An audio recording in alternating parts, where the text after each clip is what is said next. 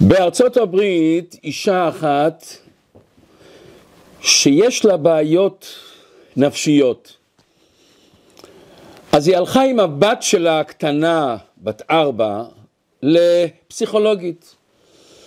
והיא מיד שמה את הבת הקטנה בצד עם המשחקים, והיא ישבה עם הפסיכולוגית ודיברה. והיה שיחה מאוד פתוחה, מאוד טובה, והאימא פרצה בבכי בשיחה.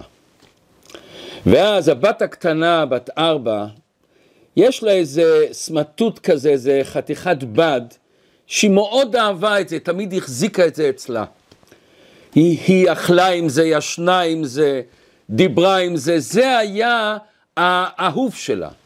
וכשהיא רואה את אימא בוכה, אז היא רצה לאימא ומביאה את הדבר הכי יקר שלה, את הסמטוט הזה, את החתיכת בד הזה, ונותנת לאימא שתנגב את הדמעות. והאימא בכעס אומרת לה, תקחי את זה ולכי ותשבי בצד. אל תפריעי לי. לכל אחד מאיתנו, בעמוק בנפש יש רצון והרגשה לתת, להעניק, לגרום טוב לשני. אבל הרבה פעמים אנחנו לא קולטים את הבן אדם השני. אנחנו אפילו יכולים לחסום, לעצור אותו. וזה כואב מאוד מאוד מאוד הלב, שלפעמים אנחנו, באי אמון שלנו, גורמים הרבה הרבה חסימות וצער לאנשים אחרים. אנחנו מכירים שאחד היסודות החשובים ביותר ביהדות זה מתבסס על הפסוק כי נער ישראל ואוהביהו. השם אוהב כל יהודי ויהודי כמו נער, כמו תינוק. אהבה שלנו לתינוקות ולילדים הקטנים היא אהבה בלי הסברים ובלי טעמים ובלי למה. כשאנחנו אומרים לילד או לבת שלנו, אנחנו אוהבים אותך, אוהבים אותך, והם שואלים, אבא, אמא, למה? למה? מה אנחנו עונים להם? עונים להם ככה. זה אחד היסודות שחסידות רצתה להחדיר בכל יהודי. הקשר שלך לקדוש ברוך הוא זה כמו ילד קטן. קשר עצמי שאין שום דבר בעולם שיכול לשבור אותו. לא לחינם הקרובים בקודש הקודשי המקום הכי קדוש. איך הם היו נראים, איך היו פניהם. אז כתוב פני תינוק ותינוקת. למה? מלמד אותנו על הקשר של הקדוש ברוך הוא איתנו. אין למה. למה יאמרו הגויים, אשרי העם שככה לו, ככה הקדוש ברוך הוא אוהב אותנו. וככה כל יהודי גם בצד עצמו, בעומק הנפש שלו, וואו איך שהוא קשור לקדוש ברוך. וכאשר אנחנו ילדים קטנים, בדרך כלל, ברוב הפעמים, חוץ יש מקרים, ילדים מרגישים בנפשם פנימה את האהבה המשוגעת הזאת של ההורים אליהם, אהבה אמיתית ופנימית. ואיך שהאבא משתגע והאימא, תראה איך שהוא חכם ותראה איך שהוא צדיק ותראה איזה הוא מתוק ואפשר לאכול אותו. ולכן הרבה פעמים שיש לאנשים בעיות עם עצמם, אחד הדרכים הנפלאות לטפל בזה, בעצם להחזיר להם את הקשר לילד שלהם. לעורר בהם את אותם ההרגשות שהיו לו כשהוא היה ילד. את ההרגשה הנפלאה הזאת שהיה להם כשהם הרגישו שאוהבים אותם במהות שלהם. ואפשר לשוחח על זה הרבה, אבל זה אם ירצה השם בפעם הבאה. אבל בואו ניכנס לעוד נקודה בילדות שלנו. לפעמים אנשים שואלים, למה הקדוש ברוך הוא יצר ילדות? למה הוא לא יצר אותנו כמו בעלי חיים? שאחרי כמה שעות או כמה ימים הם בוגרים ומסתדרים לבד. אני לא אשכח, לפני הרבה שנים לקחנו את הילדים לגן חיות, יש פה באנטוורפן גן חיות גדול מאוד. ונוהגים בדרך כלל בכל המועד פסח שהוא מתקרב אלינו.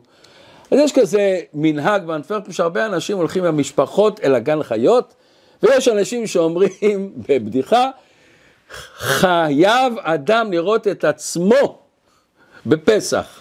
אז הוא צריך לראות את עצמו, את החיות שיש בהם. ופתאום ראינו המון אנשים מתאספים ועומדים. עומדים עובדים היה איזה חצי שעה שעמדנו, ורואים פתאום עז שילדה גדי, baby קטן. ורואים איך שהוא הוא, הוא, הוא יוצא החוצה, ואחרי כמה זמן האמא עם הלשון מנקה אותו, ואחרי ממש כמה דקות הוא מתחיל לנסות לעמוד על הרגליים ונופל ומנסה ונופל. אני לא זוכר בדיוק, אבל לא עבר הרבה זמן, ואותו הגדי הזה רץ ומסתובב. ובהשקפה הראשונה היה קשה לזהות, אותו היה הגדי הזה שנולד זה אתה. וואו, זה היה משהו. אז יש אנשים ששואלים, אז למה השם לוקח לנו כל כך הרבה שנים של ילדות? זה לא זמן מבוזבז?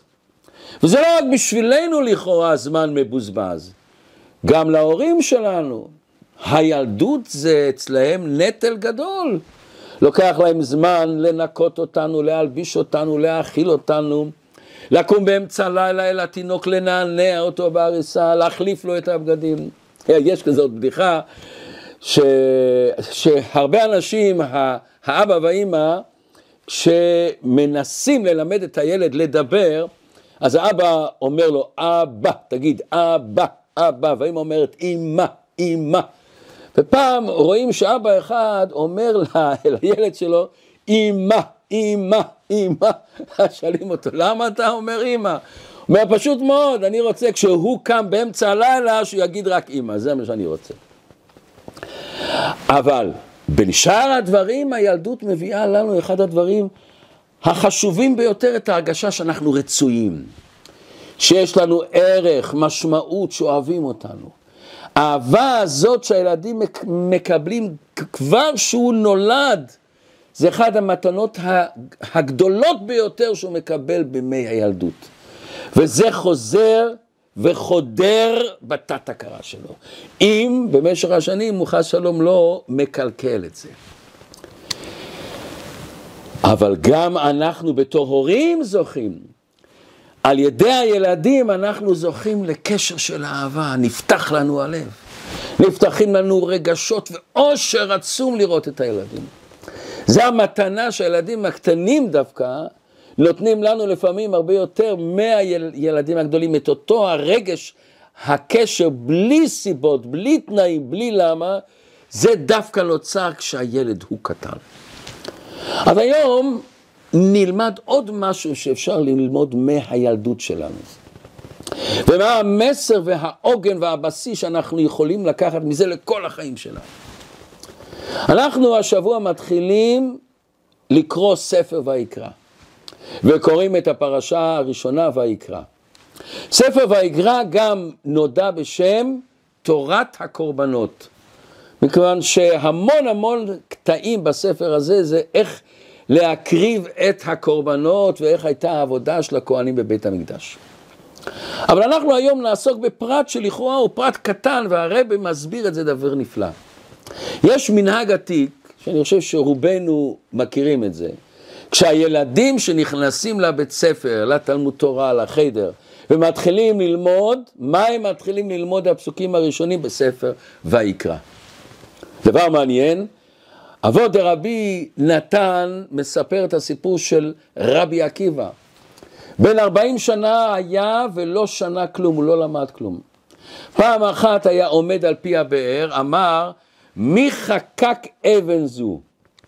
הוא ראה באבן של הבאר יש חקיקה, חריץ. אמרו לו, המים שתדיר נופלים עליה בכל יום. אמרו לו עקיבא, אי אתה קורא, אתה לא מכיר את הפסוק, אבנים שחקו מים? מים יכול לחתוך אבנים, לעשות חריצים באבנים. מיד אומר המדרש, היה רב עקיבא דל קל וחומר בעצמו, מה רך מים הוא יכול לחתוך ולפסול את הקשה, דברי תורה שקשים כברזל על אחת כמה וכמה שיחקקו את ליבי שהוא בשר ודם. מיד חזר ללמוד תורה. מה זה חזר? הוא התחיל ללמוד תורה פעם, אבל הוא התייאש. אומר המדרש, הלך הוא ובנו. הוא היה בן 40 שנה, והבן שלו היה ילד קטן. הלכו וישבו ביחד אצל מלמדי תינוקות, ריבונו שלם, בני ארבע, חמש. והוא אומר, רבי למדני תורה. אז הוא התחיל לכתוב לו א', ב', ואומר המדרש, תורת כהנים ולמדה. התחיל ללמד איתו את העניין של ויקרא. והיה לומד והולך עד שלמד את כל התורה כולה. יש ספר מפורסם, ספר החסידים של רבי יהודה החסיד. הוא מביא מנהג שמניחים את ספר ויקרא בעריסה של התינוק ליד הראש שלו, כאשר קוראים לו לברית מילה. וכאן הקושייה העצומה. אם היינו שואלים איזה מחנך מובהק, פדגוג, איזה דבר צריכים ללמד את הילדים בהתחלה? היו אומרים בראשית ברא אלוקים את הבריאה, את זה שהקדוש ברוך הוא ברא את העולם. גם ספר בראשית יש בו סיפורים מעניינים על אברהם אבינו, יצחק אבינו, סיפורים מאוד יפים. זה לא הלכות כבדות, זה מושך את הלב של התלמידים שלנו, הרבה יותר מאשר ספר ויקרא, שהוא מורכב מהלכות וכולי וכולי וכולי. או נלמד אותם עשרת הדיברות, שזה הבסיס של ישראל, שמע ישראל השם לא כן השם אחד. או שנגיד ואהבת לרעך כמוך, זה כלל גדול בתורה. אומר המדרש, לא, מה אני צריך להתחיל בהתחלה, לא את כל הפרטים, אבל מה אני מתחיל ללמוד את התינוקות? אמר רבי אסי, למה מתחילים התינוקות של בית רבן ללמוד בספר ויקרא? מה, מה הקשר? אלא מפני שכל הקורבנות כתובים בו. ואז מה? ומפני שהם טהורים עד עכשיו, ואינם יודעים מהו טעם חטא ועוון לילדים, אין בהם חטא ועוון. לפיכך אמר הקדוש ברוך הוא שיהיו מתחילים תחילה בספר הקורבנות, ויביאו, ויבואו טהורים, ויתעסקו במעשה טהורים. תן לטהור לעסוק בטהור. ואחד המפרשים המפורסמים בתורה, כלי יקר, אומר, למה בויקרא האלף הוא קטן ויקרא? אומרת לנו התורה שמתחילים ללמוד ויקרא עם הקטנים, עם הענבים והשפלים. אבל מה, מה המסר הפנימי בזה? מכיוון שהם טהורים וזה טהור, מה, מה אני רוצה להחדיר בנשמות הטהורות של הילדים האלה? מה אני רוצה להחדיר בנו ההורים שמביאים את הילדים פעם ראשונה לחדר או אל התלמוד תורה? מה אני רוצה לעשות עם זה? אז אולי בכדי נבין את זה, בואו בעצם קצת ננסה להוריד את המסך מעל העניין של הקורבנות, שהוא בעצם עיקרו של ספר ויקרא. אנחנו יודעים שהקורבנות באים לכפר על רוב החטאים של האדם.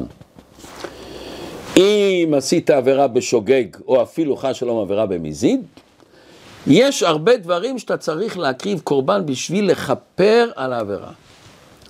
כאן באה השאלה, איך, האם הקרבת קורבן יכולה למחוק חטא? מה, אני כמו לוקח את הקורבן ואני אומר, החטא יהיה עלייך? מה הפשט בזה? איך בכלל בזמננו, איך אני עושה תשובה? אנחנו אומרים שגם היום בזמננו מבחינה רוחנית יש את המצוות הקורבנות. יש מצווה לומר את הקורבנות, ומי שאומר את זה כאילו מקריב קורבנות. אנחנו מכירים שהתפילה היא במקום של הקורבנות. איך אנחנו יכולים לעשות את הקורבנות היום מבחינה רוחנית? איך? מה הרעיון הפנימי של הקורבנות? מה העניין של הקורבנות מבחינה רוחנית, פסיכולוגית, נפשית? הרי אנחנו יודעים שהמצוות מבחינה רוחנית נצחים והקיימים לעד. וגם היום הם נותנים לנו מסר לאתגר ולצמיחה אנושית. אז בכדי קצת נוריד את המסך מזה, נזכיר מה שכותב אדמו"ר הזקן בספרו הנודע, ספר התניא. בעל מייסד חסידות החב"ד מבאר בהתחלה יסוד גדול מאוד. שהבן אדם הוא יצור נברא, מיוחד במינו, ייחודי במינו, שאין עוד יצור כזה בעולם. האדם הזה שנקרא אדם, כמו שאנחנו, הוא מאוד מתוסבך. יש בו שני כוחות שסותרים אחד את השני. יש לו את הנפש האלוקית, חלק אלוקה ממעל ממש, ואת הנפש הבהמית.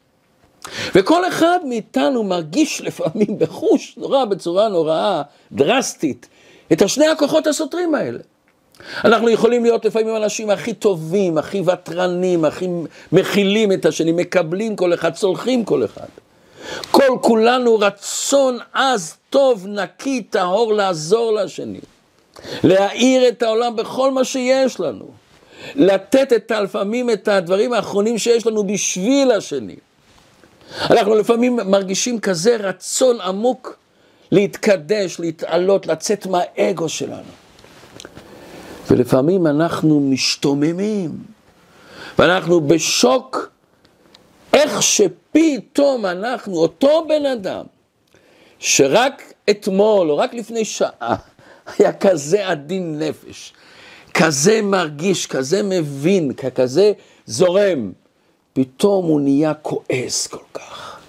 פתאום הוא נהיה אגואיסטי כל כך, מקנא כל כך, לא סולח כל כך, פגיע כל כך, פוגע כל כך. ואנחנו לפעמים כועסים על עצמנו, איך זה אותו בן אדם, איך זה קורה לנו, ריבונו למה אנחנו כל כך מסובכים? למה אנחנו כל כך מסבכים את החיים שלנו? למה אנחנו כל כך לפעמים מתביישים במעשים שלנו? והכלל הגדול שאומר אל תראה בחיים שלנו, שיש לנו איזה הרגשה, איזה רגש, ואני מרגיש לפעמים לא פעם שתי כוחות מושכים אותי, וזה ממש על הגבול שאני יכול לבחור מה אני עושה, או פה או שם.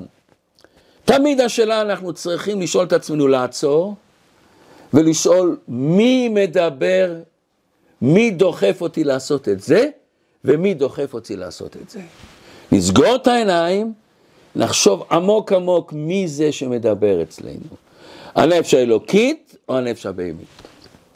יש אה, סיפור מאוד יפה, היה פעם אחד ראש ישיבה בנוברדוק, והיה זמנים שהמצב הכלכלי היה נורא והיה רדיפות על הדת, והוא היה, היה לו ישיבה שמה, יפה מאוד, הוא פתח ישיבה וחיו בצמצום. ופתאום הכסף כבר כמעט נגמר ואין אוכל.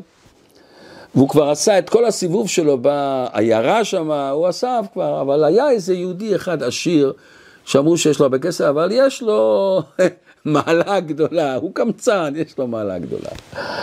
החליט ללכת אליו, נכנס אליו, הוא אומר לו, כן, מה אתה רוצה? אז הוא מספר לו את כל הסיפור של הבחורים שלומדים תורה. ומוסרים את עצמם, ועוזרים לאנשים חולים וכולי וכולי וכולי, ואין אוכל, אין אוכל, וחס שלום הוא יצטרך לסגור את הישיבה. והשיר הזה שומע, שומע, שומע, שומע, שומע, אומר, יפה מאוד, אני מאוד מעריך מי שנותן, אבל זה לא הטייפ שלי, זה, זה, זה לא מה שאני אעסק, אני נותן לדברים אחרים. אוקיי. חוזר לישיבה, הצליח עוד לאסוף עוד כמה פרוטות, סחב עוד שבוע, וחבר'ה חושב, מה אני עושה, מה אני עושה, ועוד פעם עולה לו השם של אותו השיר הזה, ואומר לעצמו, אתם יודעים מה?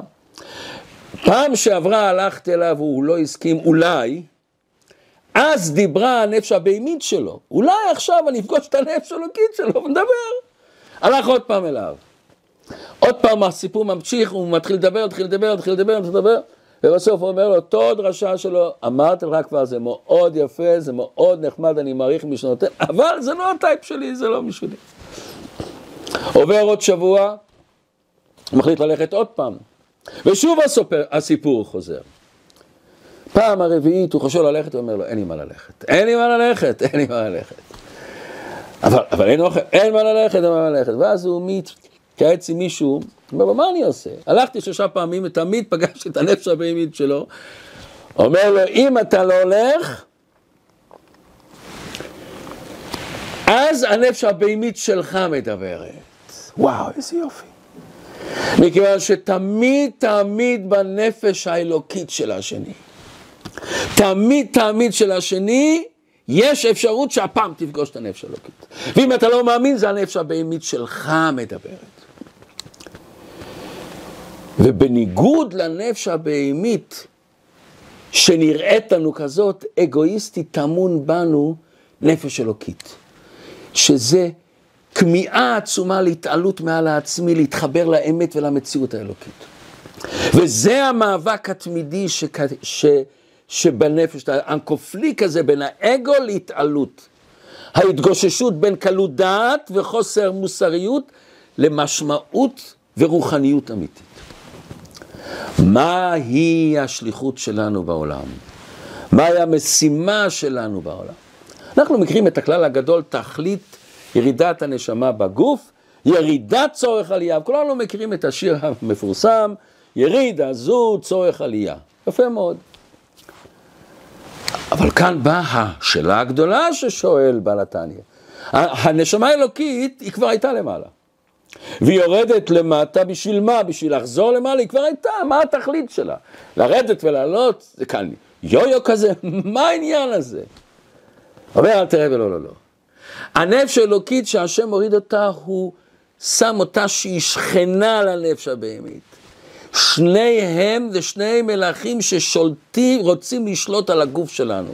על המחשבות שלנו, על הדיבורים שלנו, על הרמ"ח איברים שלנו, על, הש... על כל מה שיש לנו. וכל אחד רוצה לכבוש את העיר הקטנה הזאת. והמטרה שלנו, לתפוס את הנפש הבהמית ולזכך אותה. לזקק אותה. את הזהות החייתית הפנימית שיש בה לעלות ולזכך אותה שהיא תלך לכיוון של הנשמה האלוקית.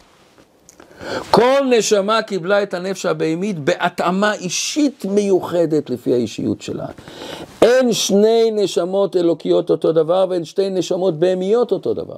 ואנחנו מכירים את זה שלכל אחד יש את התאוות שלו, הרגשות שלו, אתגרים שלו, סיפורים שלו, ולפעמים אנחנו לא מבינים את התאוות של הבן אדם השני, את הניסיונות שלו. והשם מתאים את שניהם כל פרט ופרט בכדי שלנשמה האלוקית יהיה כוח לזכך אותה. להשתמש איתה בדברים חיוביים. איך? איך מזככים נפש הבהמית? וכאן האדמו"ר הזקן אומר סוד גדול שכל אחד צריך להפנים את זה אצלו. הנפש הבהמית, במהותה היא לא רעה. היא אגואיסטית, אבל היא לא רעה. היא לא רשאית. היא פשוט רוצה ליהנות. אבל מה שקורה, בחיפושים הבלתי נגמרים להרגשת האגו והחיזוק העצמי שלה, היא יכולה, אם לא נותנים לה את ההגה הנכון, את הכיוון הנכון, היא יכולה להפך למפלצת. למפלצת. להרוס את עצמה, ובדרך להרוס אנשים אחרים, בדחף הבהמי לסיפוק עצמי של התאוות. ופתאום מה שהייתה חיה קטנה וחמודה של ילדים קטנים, שקיימת בלב שלנו, פתאום זה יכול להפך לחיית בר חולנית והרסנית. ואנחנו רואים מה שקורה מסביבנו ומה שקורה בעולם, שחיי אדם כבר יש מקומות לא חשובים בכלל. ולאנשים רק התאוות של כיבוש וניצחון, הם הם זה ששולט להם. וכאשר נלמד את הסוד הזה, את המהות של הנפש הבהמית שהיא לא רעה, היא מחפשת תענוג. וברגע שאני מעביר לה את המודעות, כמה תענוג והנאה וסיפוק עצום, יהיה לה שהיא תהיה קשורה לעשיית מעשים טובים של נתינה, של הבנת השני, הענקה לשני, לעזור לשני. יש לנפש אלוקית כוח עצום והיא יודעת איך לפתוח את המפתחות הפנימיות של הנפש הבהמית, לממש את הפוטנציאל העצום שיש בנפש הזאת. כמו שאנחנו יכולים לקחת אבן מלוכלכת עקומה או מכוערת, אבל מי שמבין יכול ללטש, ללטש ביהלום עצום. אני לא אשכח את זה, לפני הרבה שנים, אנחנו פה מחלקים להרבה אנשים אוכל, אז לכל כמה זמן אני עושה סיבוב לכמה אנשים שמאוד אוהבים לעזור. ותמיד היה איזה משרד, איש מאוד נחמד, היום הוא חי בארץ, אבל מאוד עזר בסכומים מאוד יפים. ומולו ישב בן אדם, שאז הוא לא היה שומר מצוות, אבל השכן הזה שהלכתי אליו לבקש, אומר לי, אל תבקש ממנו, הוא, הוא, הוא, הוא לא נותן. ולא, לא ביקשתי אף פעם. שוחחנו, מה שלומך, מה פה, מה שם, מה אתם עובדים, יפה מאוד. פעם אחת אני בא, אני זוכר זה היה לפני פסח, ממש כמו הזמן הזה, ואני הולך לשכן, הוא נותן לי את הסכום היפה, ואז אני מכניס את המעטפה ואני יוצא החוצה, ואז הוא אומר לי, רגע אדוני, סלח לי, כבוד הרב, למה, מה, למה ממני אתה לא מבקש? מה עונים? לא היה לי בראש תשובה, אמרתי לו, סליחה, אתה צודק, הייתי צריך לבקש, אבל אני לא מכיר אותך כל כך, אבל אז אתה לא מכיר, אז, אז מתחילים להכיר, אני, אני מדבר איתך. מה אתה אוסף? אז אני מספר לו בקיצור, הולך, פותח את הסף, מוציא סכום מאוד יפה. ואחרי זה אני בא לבית חב"ד, אז השכן שלו, זה שאני בכל פעם הולך לסוף, הוא מתקשר לי, וואו.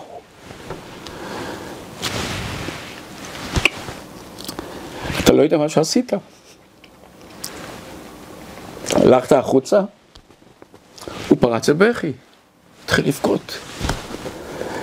ולא עבר כמה זמן הוא מתקשר, למה אתה לא בא? החיים שלו, הוא אמר לי, השתנו לגמרי. הוא נסע לסין. מסין כל כמה זמן מתקשר, שכחת אותי, אתה לא שולח לי אימייל, איפה אני שולח לך? הוא אמר לי, החיים שלי השתנו. ופתח בי משהו שהיה סגור. וזה העניין הפנימי שהתורה אומרת לנו להקריב קורבנות. קורבן זה מלשון קורבה, התקרבות. אדם צריך לדעת במהות שלך, במהות שלך תמיד יש לך קשר לקדוש ברוך הוא. בעצם שלך יש את הפינטעלע ייד, כמו שאנחנו אומרים לו. הפינטעלע ייד זה החלק, הנקודה הפנימית שלא יכולה להתבטל בשום מצב. חתיכת בשר חזיר בטל בשישים, הפינטעלע ייד לעולם לא בטל. וכל הסיבה שלפעמים אנחנו, אנחנו מתרחקים מעצמנו ומהקשר לקדוש ברוך הוא, זה שהנפש הבהמית גוררת, סוחבת אותנו למקומות לא טובים. אבל בעצם כל יהודי במהות אתה נשאר קשור לקדוש ברוך הוא. ולא פעם ולא לא פעמיים שמענו מהרבא מדבר בכזה כאב על חס ושלום יש אנשים שאומרים הבן אדם הזה חלילה התנתק מעם ישראל. בהקרבת קורבן יש ארבעה שלבים. ובעל התניא מסביר באופן נפלא, באופן פסיכולוגי נפשי עמוק, כל שלב ושלב מה זה אומר. אבל היום בוא נראה את השלב הראשון. השלב הראשון אומר, אדמו"ר הזקן, אתה לוקח בהמה ואתה אומר, אתה מקדיש אותה לבית המקדש, אתה עושה אותה קדושה. זה לא סתם אתה לוקח בהמה, אתה צריך לפני זה להמשיך עליה במילים שלך, בהרגשה שלך, אני מקדיש אותה. היא כבר לא חול. הצעד הראשון, אומר אדמו"ר הזקן, בהתמודדות עם הבעל חי שלנו, היא המודעות שהנפש הבהמית היא לא רשע, ריבונו של עולם. היא לא מפלצת, יש בה כוחות עצומים שאני צריך רק לכוון אותם, להשתמש איתם לדברים חיוביים. איך אומר הבעל שם טוב, איזה הוא גיבור? הכובש את יצרו, לא שובר את עצמו. שאני שובר, יש לי שתיים יותר. שאני כובש הוא תחת הרשות שלי. אנחנו צריכים דבר ראשון להגיד אל הנפש הבאמית, אני רוצה להראות לך מי הבוס פה. ואם אנחנו נותנים לחיה שלנו להמשיך לחיות את החיים שלה כמו שהיא רוצה, אנחנו לא נמצא את עצמנו כל כך מהר. וזו ההוראה העצומה, גם שאנחנו רואים אנשים שכלפי חוץ הם לא נראים לנו כמו שצריך. או ילדים וילדות שלפעמים נראים לנו כל כך רחוקים. הכלל הגדול, אל תסתכל בקנקן, אלא במה שיש בו. והקשר המהותי בין יהודי לקדוש ברוך הוא לא תלוי בקיום המצוות, בקיום התורה. בוודאי, בוודאי התורה מגלה את הנשמה מהכוח אל הפועל, פועלת שגם הכוחות הגלויים שלנו, השכל, המידות, המעשים שלנו, שאנחנו מרגישים במוחש את הקשר, זה משהו אחר לגמרי. אבל חס ושלום לומר שהקשר הוא תלוי. כמו שאבא, גם כשהילד שובר את כל הכללים, את כל הכללים, הוא תמיד נשאר אותו דבר, הוא תמיד נשאר אצלו אותו דבר. הייתי לי לפני זמן, הייתי בחוג בית, ושוחחנו קצת על הנושא הזה, אז אישה אחת אומרת, אני רוצה לספר סיפור אישי. מספרת שהיא התגרשה, השם ישמור מבעלה. ו... והיה להם בן. והבן הלך אל הצבא, והבן מאוד האשים את האימא בהתגרשות. היא לא סיפרה לי, אומרת, את כל הסיפור, וזה לא חשוב עכשיו, והוא לא היה איתה בקשר. והוא הלך לצבא, הוא היה בצבא במחנה בסיני, והיא התקשרה ושלחה מכתבים, הוא לא ענה. החליטה שהיא באה. הלכה, הסעה, לקחה אוטובוסים, לקחה טרמפים, בסוף היא באה למחנה בשער, עומד שומר, הוא לא מכניס. את מי את רוצה? אני רוצה את הבן שלי, זה וזה וזה.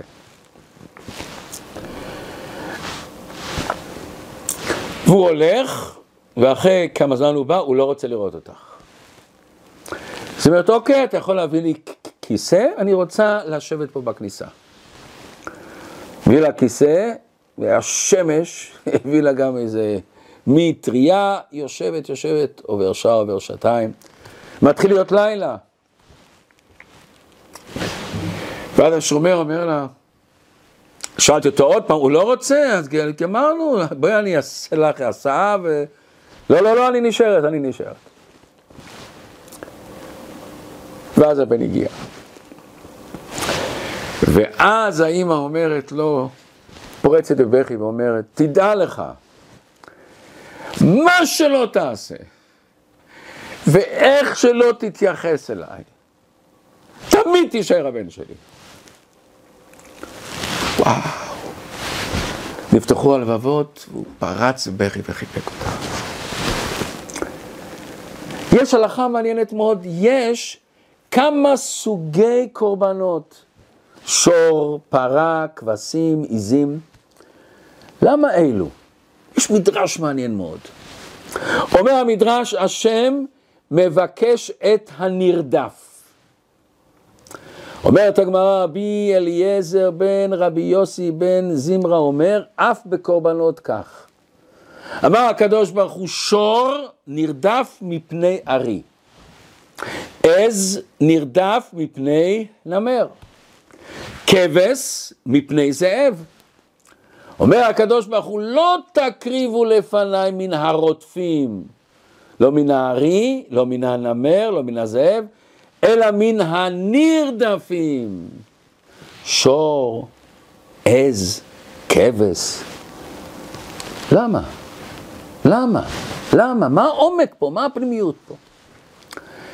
הבעלים, הבעלי חיים האלה, הכבש והעז, הם בעלי חיים מאוד מטבעם תמימים, לא מזיקים. וכאשר אנחנו רואים אותם לפעמים מעורר אצלנו את התמימות בלב, את ההרגשות הטובות שלנו, את, ה, את העדינות שלנו, את החסד, את הקדושה שלנו, את המוסריות שבנו. הקורבנות מס, מסמלים את המהות הטהורה של היהודים. את הטוב שיש גם בנפש הבהמית. אנחנו בעצם טהורים וטובים. אבל כאשר רודפים אחרינו ארי, או נמר, וכל הרוח שטות של היצרה, החיות הרעות שנמצאות במידות הלא טובות שבנו, זה מעורר בנו כל מיני יצרים לא טובים. היה לנו חסיד בכפר חב"ד, קראו לו רבן לפוטפס, הוא אומר, בבן אדם, בלב שלו יש גן חיות שלם.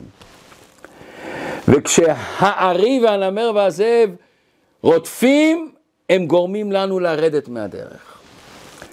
וזה הקורבן אומר, לא, לא, לא, אתה תביא את הקורבן הזה. ותהיה מודע שאתה נרדף, ואל תהיה נרדף. תדפוק על השולחן ותמיד אני קשור לקדוש ברוך.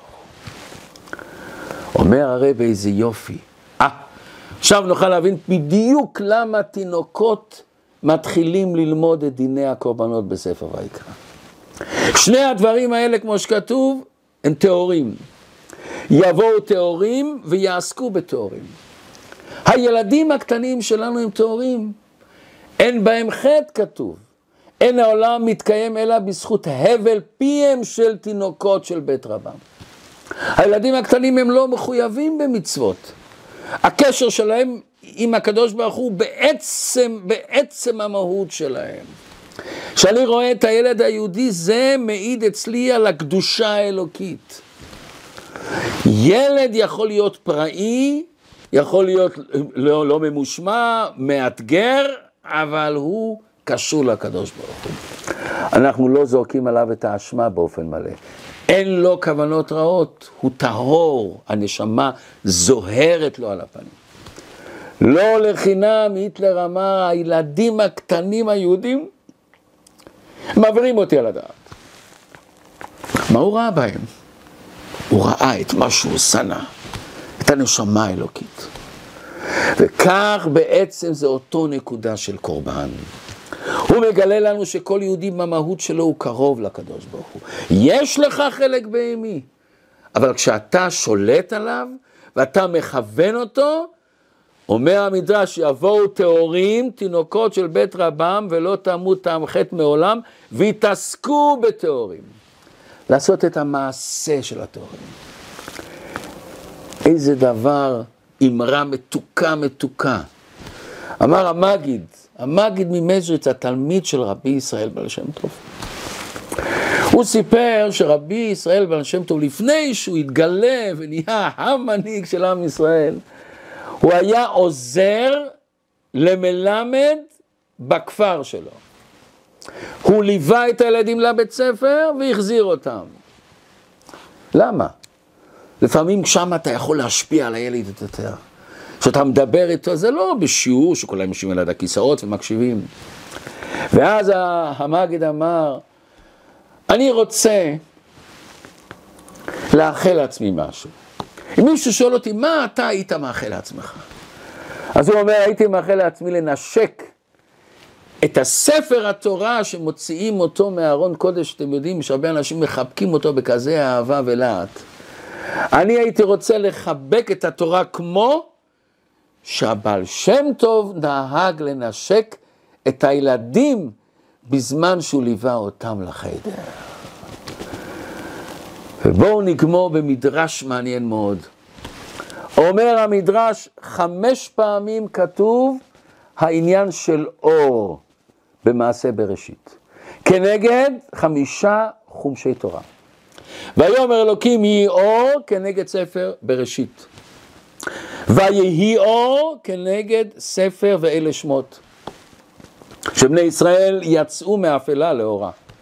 וירא אלוקים את האור כי טוב, זה כנגד ספר ויקרא. למה דווקא ספר ויקרא זה כנגד וירא אלוקים את האור כי טוב? בראשית לא היה טוב, שמות לא היה טוב. מה פתאום בספר ויקרא וירא אלוקים את האור כי טוב, מוסיפים את הכי טוב. התורה של קורבנות מלמדת אותנו. שבכל מצב יהודי הוא טוב, גם אם אתה לא רואה את האור שלו. וירא אלוקים את האור בתוך את האור הפנימי כי טוב. אתה טוב, תוריד את הקליפה, תלטש את עצמך, ופתאום תראה את האור שזוהר בך. ומה אני אספר לכם? סיפור נחמד. היה פעם איזה בחורצ'יק אחד, שהשם ישמור, אה, עזב את היידישקייט שלו. היה בא לבית חב"ד, הניח תפילין וזה וזה, אבל בשלב מסוים הוא הפסיק לבוא. ואני שואל אותו, מה קרה, מה קרה? והוא אומר לי, אני חי עם אישה לא יהודייה.